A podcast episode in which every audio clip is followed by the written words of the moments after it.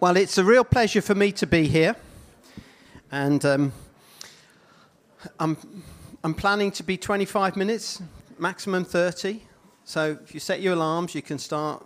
Your phones are allowed to go off in 25 minutes' time. That'll stop me. Um, what I love about your church, there's a number of things. First of all, your boldness. You're very bold and you're very brave. You've released church plants, you've released people, and the Lord just keeps sending more. And I often think that you are like a beautiful waterfall. You, you, know, and other, the thing about waterfalls is they're spectacular. We like to look at them. But it takes water falling and moving to create that beauty. And in a way, church planting is a bit like that. Um, and I, as Fleming said, I'm caught up now in going over the edge, and I'm actually water that is in free fall at the moment, which is exciting and terrifying. But I'll talk more about that in a while. What I want to do is to take you back 25 years in my life. Uh, it was a tough time. I would have been 32. I know that's a shock. You think I was a lot younger. um, and I, I had been pursuing a calling I had a real, um, and that calling was to be a pastor of a, of a church in the, uh, the state church in the UK, the Church of England.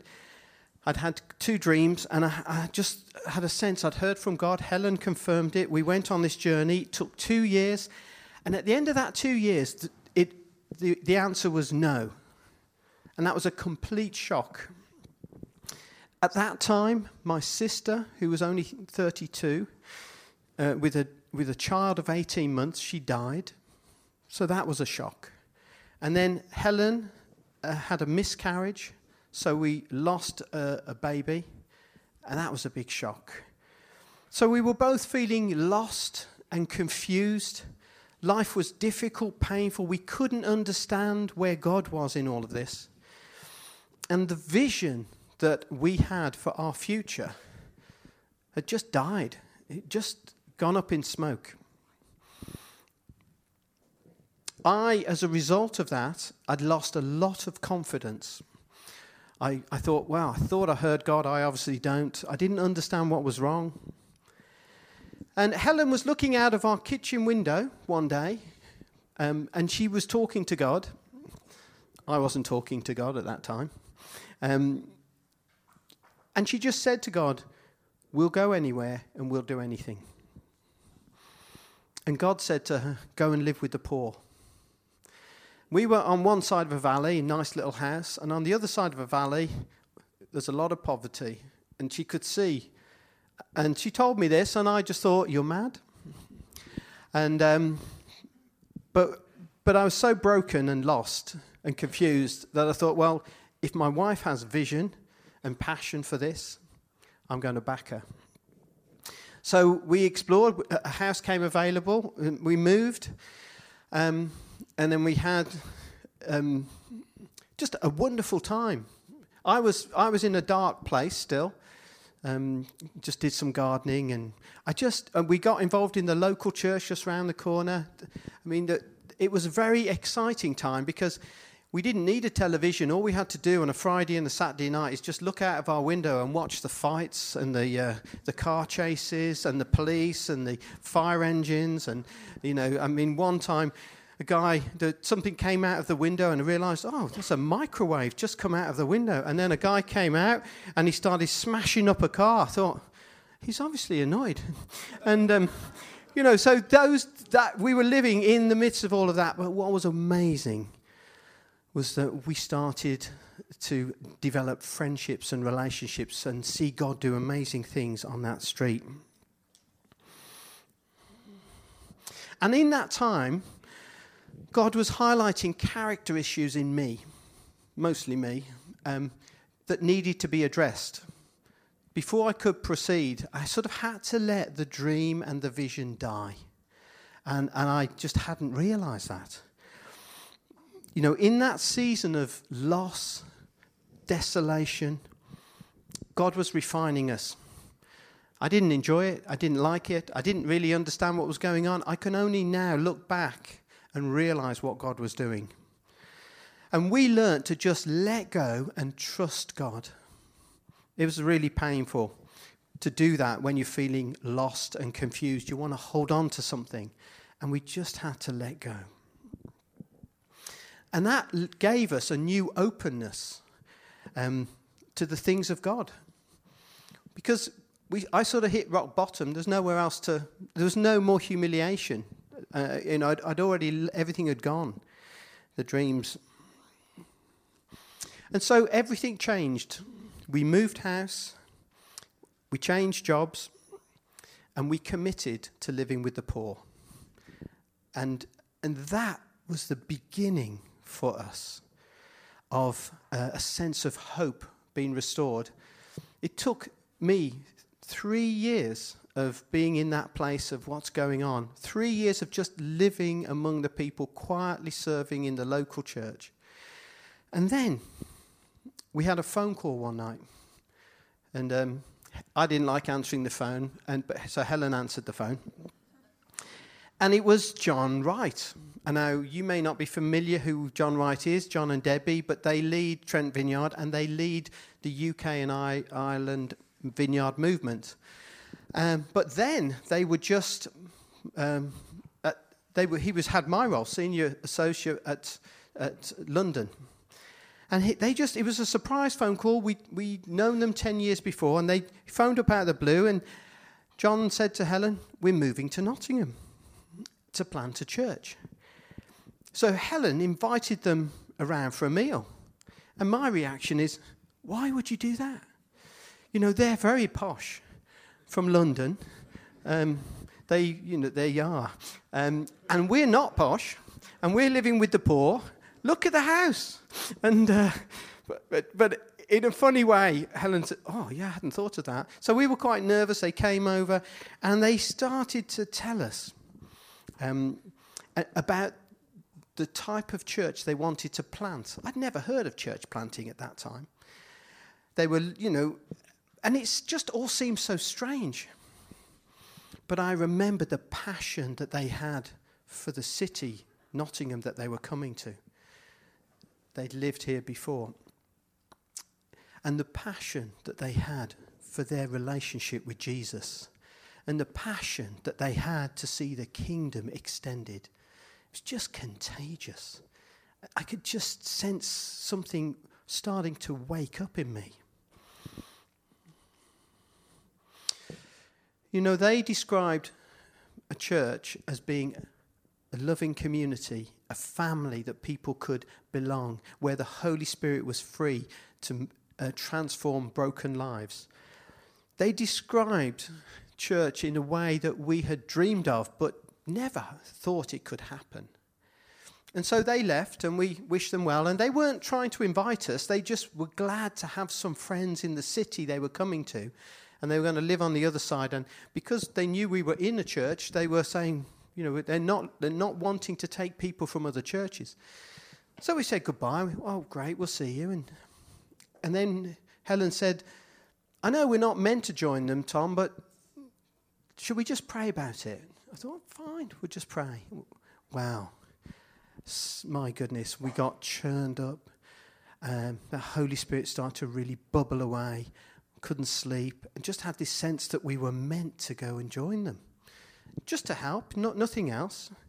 Um, God started to speak, and then, and that's what happened. And the, for the first time in our lives, we were in an environment where we were believed in, encouraged, where we were developed and trusted, given opportunities to serve. And suddenly, through that vineyard church plant, we began to experience and encounter Jesus in a whole new way. We were living an abundant life. We were seeing Jesus impact our neighbors on our street. I could tell you so many stories. But our God given vision that had died started to come alive again.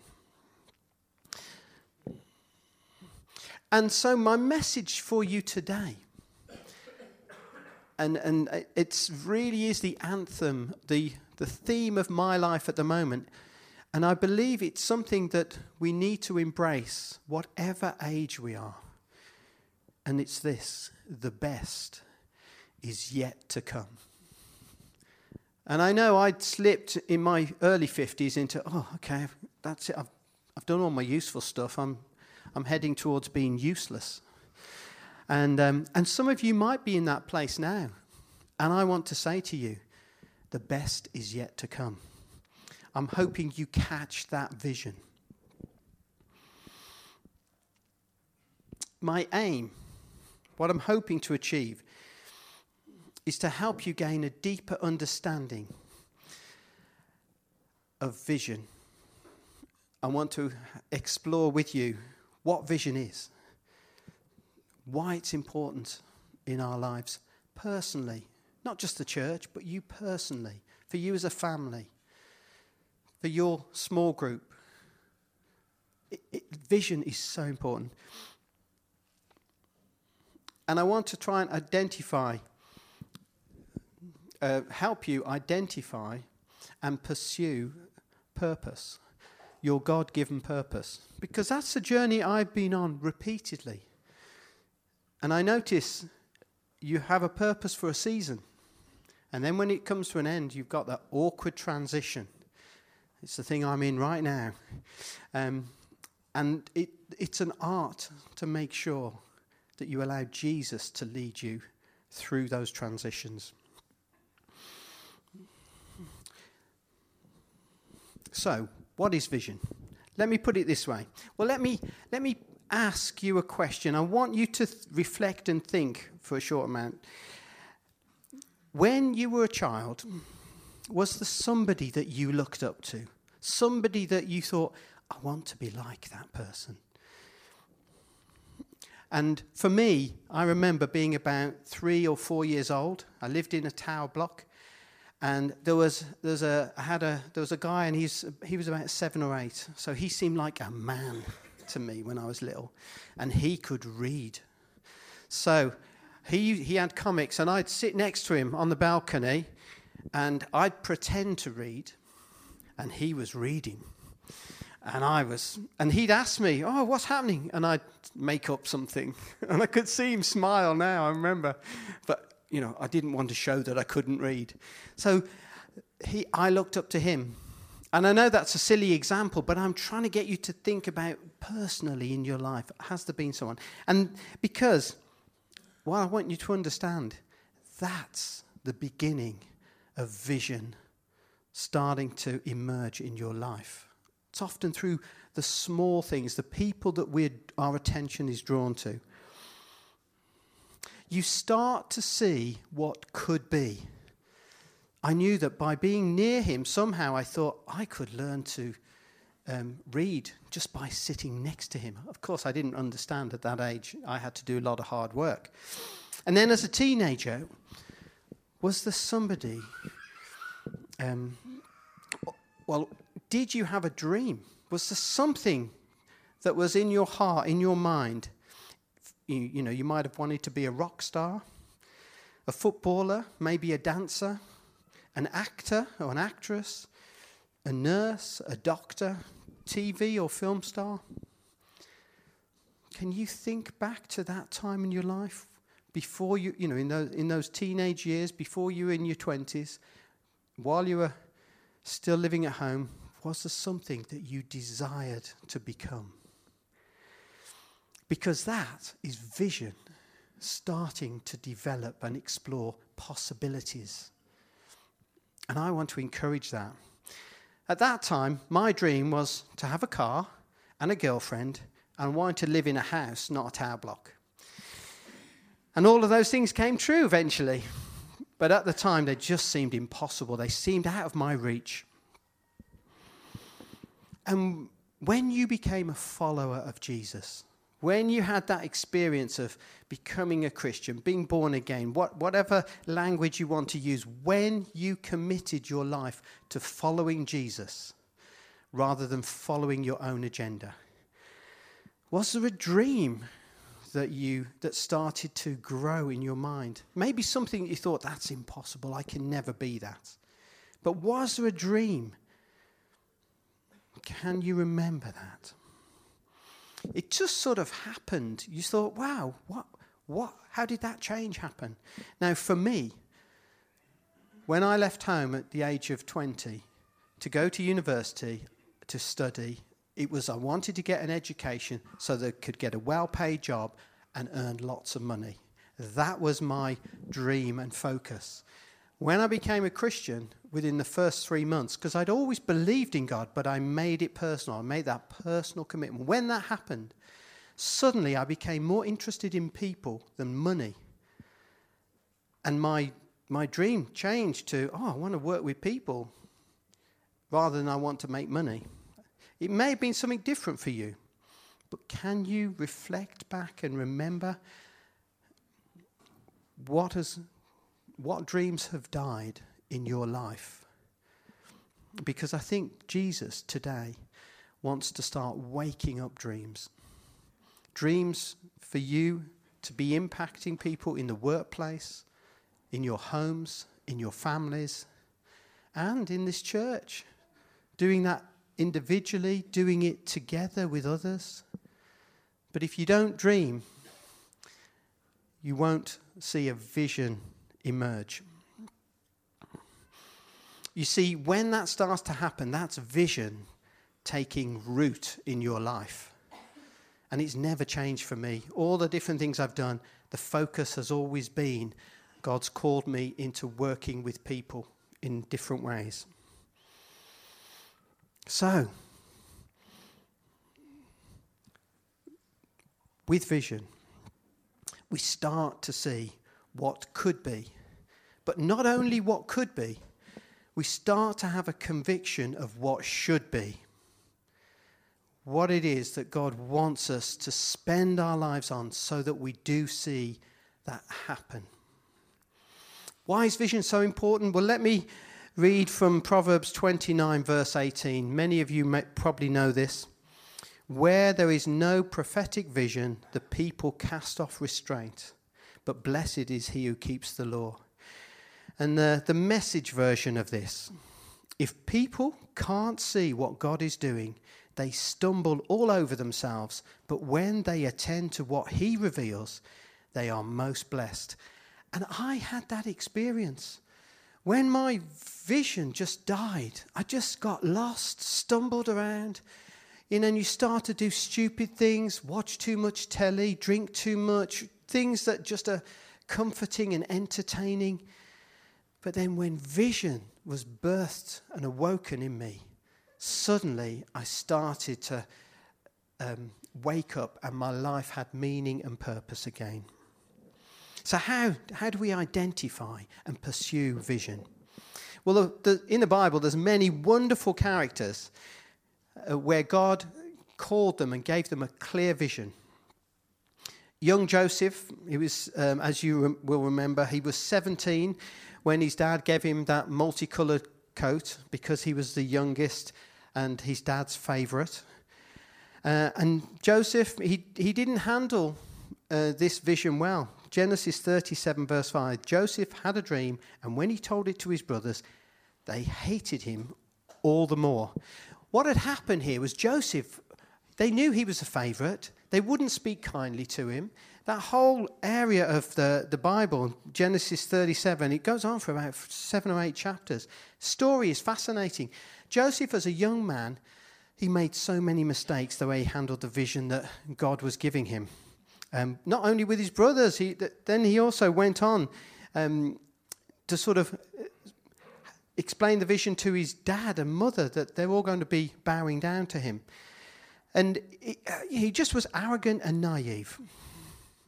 And that, there's, a, there's a danger when vision comes along, we can be arrogant and naive. And I, I want to encourage you, as, we, as we'll see a bit later, the best way to handle vision is to walk humbly with your God.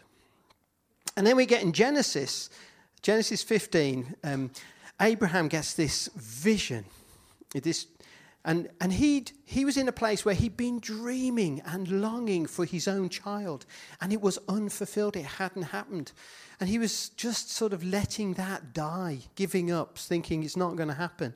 God took him outside and said, Look up at the sky and count the stars, if indeed you can count them.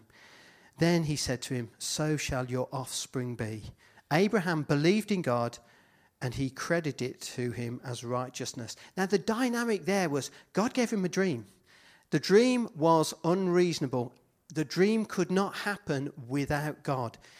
That's the point of a God given dream. Any vision you have that you can complete yourself is probably not from God because you can do it.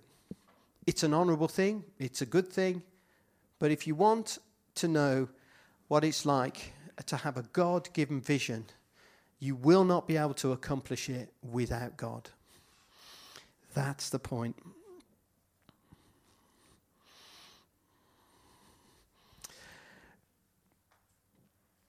With vision, there's several things that happen, several dangers to be aware of. I've experienced all of these. Um, we become impatient. God's timing and ours. The dream I had was fulfilled seven years later. That felt like a long time. There was trouble along the way. I made mistakes. See, I just want you to slow down and dwell on this. When you have a dream and you start to become convinced that that dream is from God and vision is starting to be birthed, it will be life changing. If you think you can hold on to the comfort of your, well, if you can hold on to anything that gives you comfort, security, even a sense of purpose, often, as John Wimber used to say, concerning that scripture, the pearl of great price, you have to sell up and let go of everything to, ne- to take the next step of faith that God is calling us onto. And don't rush this, but I just have a sense that for many of you in this room, there is an element of what, great, four church plants have gone, we can relax you know. And and I'm not saying I do think you as a church need a, some time, a couple of years, whatever it is, um, you know, to recover. But I'm I'm just impressed and amazed. God's just there's a flow here. You are impacting not only your city, you're impacting other Nordic countries because they're looking at what you're doing and thinking, how is that possible? So I want to cheer you on and encourage you. Continue to seek the God given vision that you have for this next phase. The thing is about vision, when it starts to become a reality, it is thrilling, but it's also painful and terrifying. I spoke to uh, a soldier who in, in the UK, and he'd been in the SAS. He'd been in, in a lot of action. And I asked him, I said, when you're being shot at, isn't that scary? And he was saying, Yes, it is. It's really terrifying. He said, But it's also exciting. And so he'd let go of family life. He, he had the option to marry and settle down, but he kept going back. He said, I, I got addicted to that. I never thought of it that way. That for him, the adventure, the vision of the next um, combat, not f- somehow fed him. Somehow he, he got addicted to the adrenaline of that. So I do think we're called to God given vision because a human vision can take you way off course. So I told you about these couple of dreams I had. I'm not going to go into detail about them, but basically, they confirmed what was on my heart. So when a dream is out the blue, and it, it clashes what you feel God's been saying, then it's probably not God.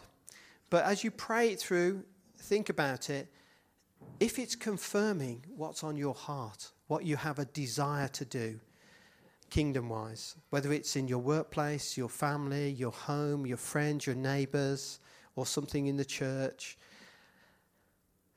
I would just encourage you to slow down, pray about it.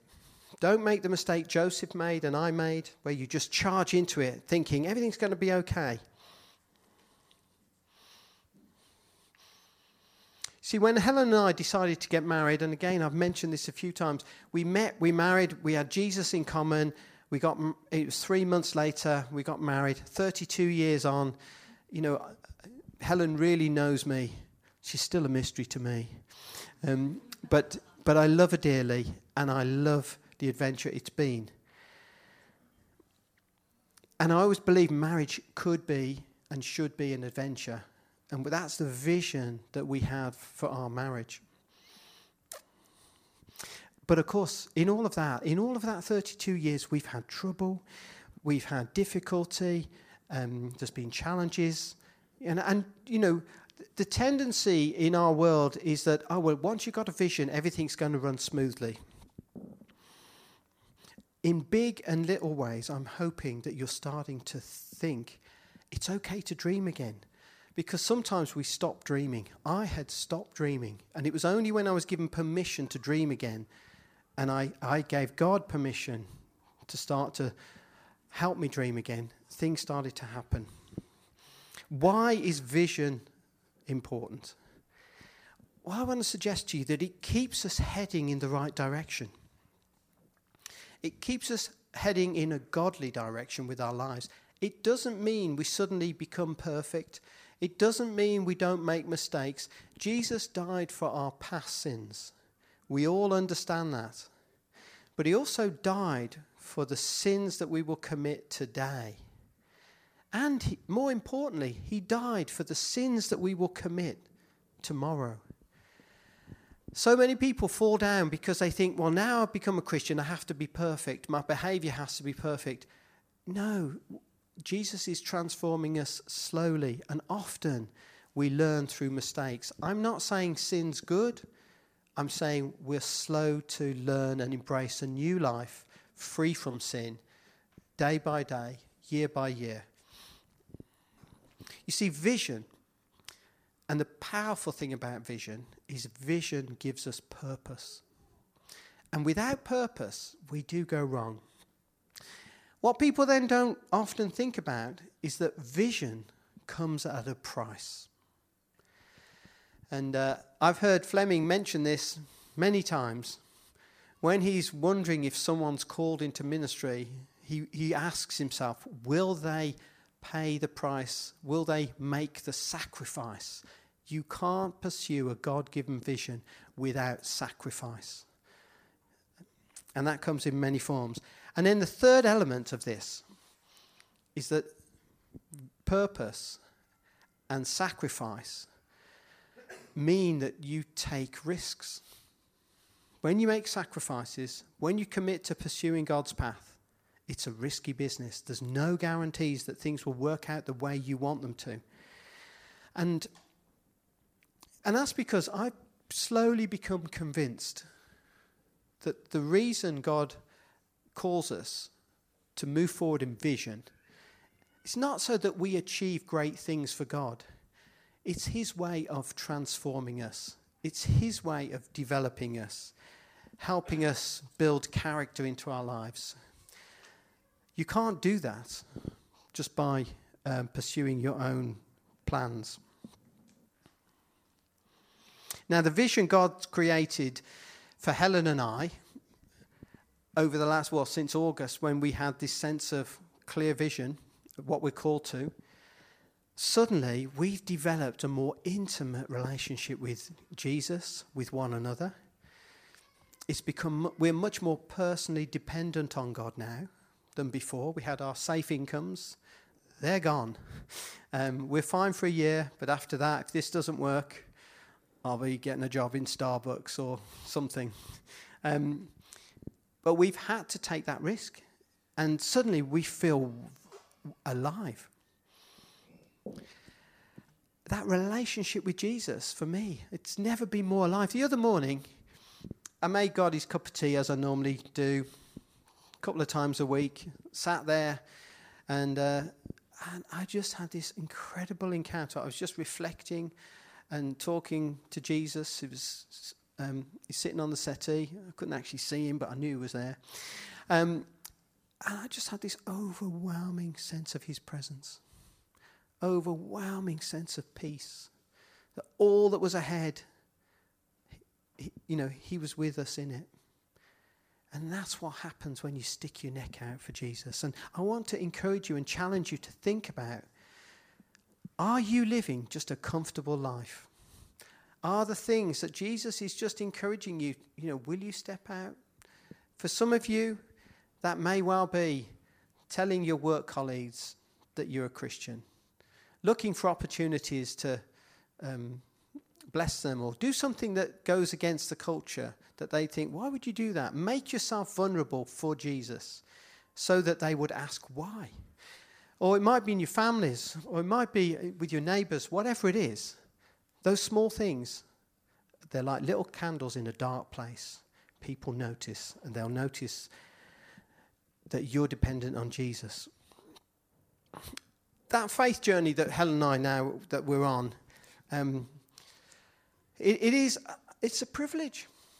Many of you sitting there uh, will probably be thinking, "Oh, I'm really relieved that's not me." And I understand that because I was really relieved that wasn't me for, for about the last 10, 12 years as I helped other people go. But actually, uh, it is liberating. And I'm not suggesting that you should all do something dramatic, but I am suggesting that you should all be prepared to do something dramatic when Jesus calls. So I would encourage you, if you're not saving any money, start saving. You know, if you're not regularly giving to the church, I would encourage you to start giving. Start developing these disciplines. If there are things in your life that are more important to you than Jesus, whatever they are, I would start saying, actually, are you talking to Jesus about that? Because purpose is a bit like money in the bank you know, or we can spend it in lots of different ways. So you can get caught up with the purposes that are not of God, and then they leave you with no energy left for the things of God.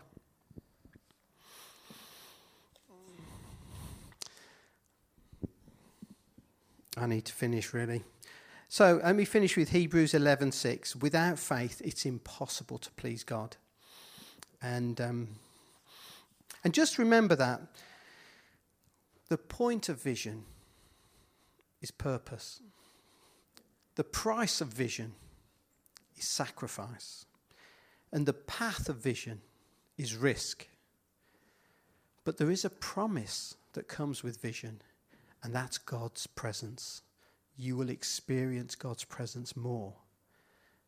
Communally, individually, it's a, it's a powerful thing. It's the abundant life.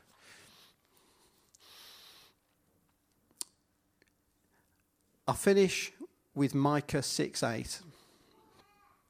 And it's this it's the theme for our church, it's our vision statement. And it really is just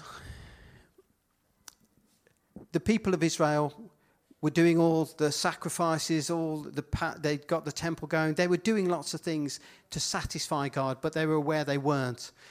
And this is what God said to them. He has shown you, O mortal, what is good. And what does the Lord require of you? To act justly, to love mercy, and to walk humbly with your God. If you take nothing else from today, I would take that scripture and ask yourself Are you acting justly? Are you loving mercy? And are you walking humbly with your God? Because if you're doing those things, vision will be birthed in your life. Shall we stand?